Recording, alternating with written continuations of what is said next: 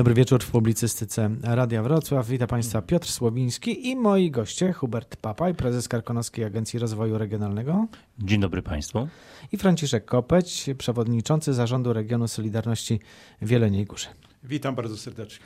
Panowie, jesteśmy w trakcie epidemii COVID-u, przybywa mocno chorych, przybywa ludzi, którzy zmagają się z wirusem. No i właściwie nikt nie wie, czy będziemy mieli drugi lockdown, czy nie będziemy mieli.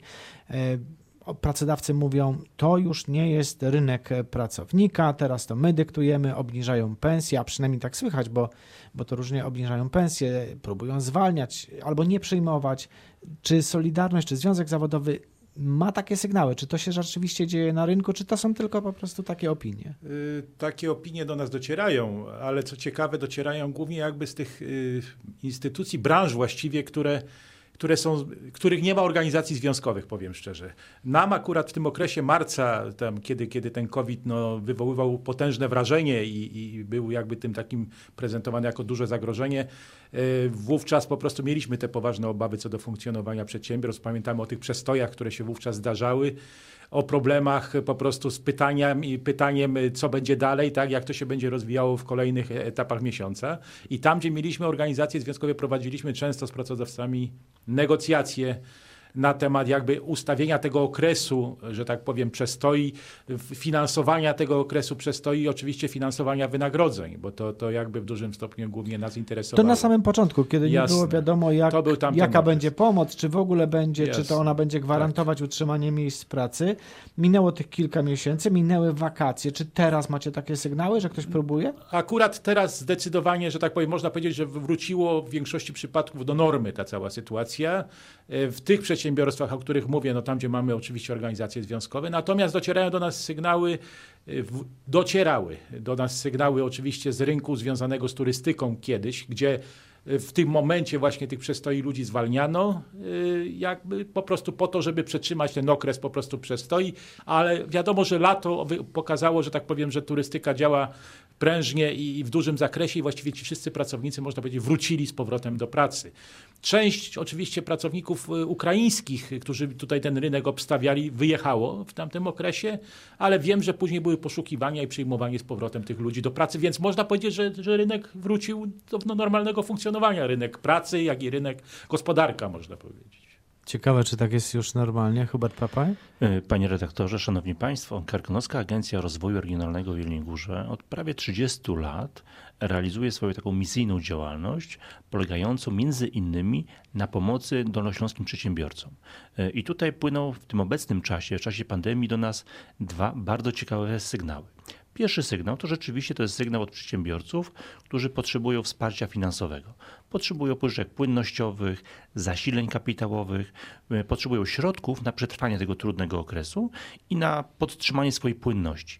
Ale drugi ciekawy, bardzo ciekawy sygnał płynie też od bardzo dużej rzeszy przedsiębiorców, którzy, tu i tu uwaga, e, chcą w tym czasie inwestować. Oni przychodzą do nas, dzwonią, piszą i pytają się, czy mamy jako fundusz też pożyczkowy środki na pożyczki hipoteczne, inwestycyjne, albowiem ta sytuacja związana z epidemią pokazała im też szansę rozwoju. Czyli y, chcą korzystać z dźwigni finansowej, z cudzych pieniędzy po to, żeby wzmocnić siłę własnych i y, zainwestować, ale to znaczy, że mają gotówkę albo przynajmniej zasoby, które łatwo da się na gotówkę zamienić. Y, z jednej strony tak, z drugiej strony, że mają na pewno pomysł na swój biznes, na swoją działalność i że widzą w tej sytuacji też dużą szansę. Przykładem, jak tu powiedział pan przewodniczący, jest branża turystyczna.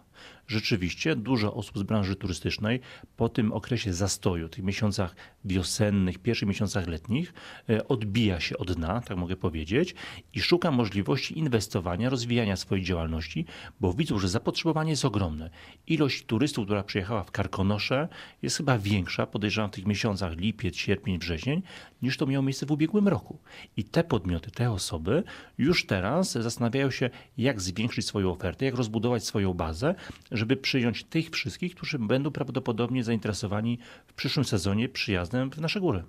Nasz agent to nie tylko turystyka, to także handel, który miał również sporo kłopotów, jeśli chodzi o epidemię e, COVID-u i ten restart handlu nie był taki prosty. Czy związkowcy w tych dużych firmach handlowych mają taką wiedzę, obrywają, czy były zwolnienia, może są zwolnienia, może są takie pomysły? y, tam się pojawiają, że tak powiemy, informacje o zwolnieniach y, w Carrefourze. Pa- Przecież Tesco jest jakby ograniczone funkcjonowanie. Ale niedługo- Tesco opuszcza Polskę. ale Tesco opuszcza Polskę i to są główne przyczyny, że tak powiem, zapewne, a poza tym y, powie- handel w wielu przypadkach przechodzi na inne funkcjonowanie. Tam pojawiają się te bez, bezobsługowe kasy, że tak powiem, y, gdzie, gdzie właściwie obsługuje sam klient po prostu, więc w tym momencie jakby, zresztą to już wchodziło przed pandemią, powiedzmy sobie szczerze, więc wydaje się, że faktycznie ten moment y, tego zastoju wiosennego, tak jak tutaj było już to powiedziane, y, był tym y, problemem po prostu i dla handlu, bo, bo bardzo mało ludzi funkcjonowało, że tak powiem, w tym bezpośrednim kontakcie, tak? Wszyscy siedzieli w domu, ale później to lato praktycznie zmieniło sytuację zupełnie i ten handel, można powiedzieć, wrócił do normy. Tam, tam znowu są ludzie, znowu są, że tak powiem, klienci, którzy korzystają i to w takiej ilości, powiedzmy sobie szczerze, że, że, że, że, że to widać, że tak powiem, naocznie. Od moich związkowców na dzień dzisiejszy, poza tymi przypadkami, gdzie niestety są te ograniczenia, mówię właśnie o Carrefourze, o, o, o Tesco, ale to ze względów, że tak jak mówiliśmy, czysto organizacyjnych, na dzień dzisiejszy nie mam informacji, żeby się były u nich jakieś zagrożenia, tak?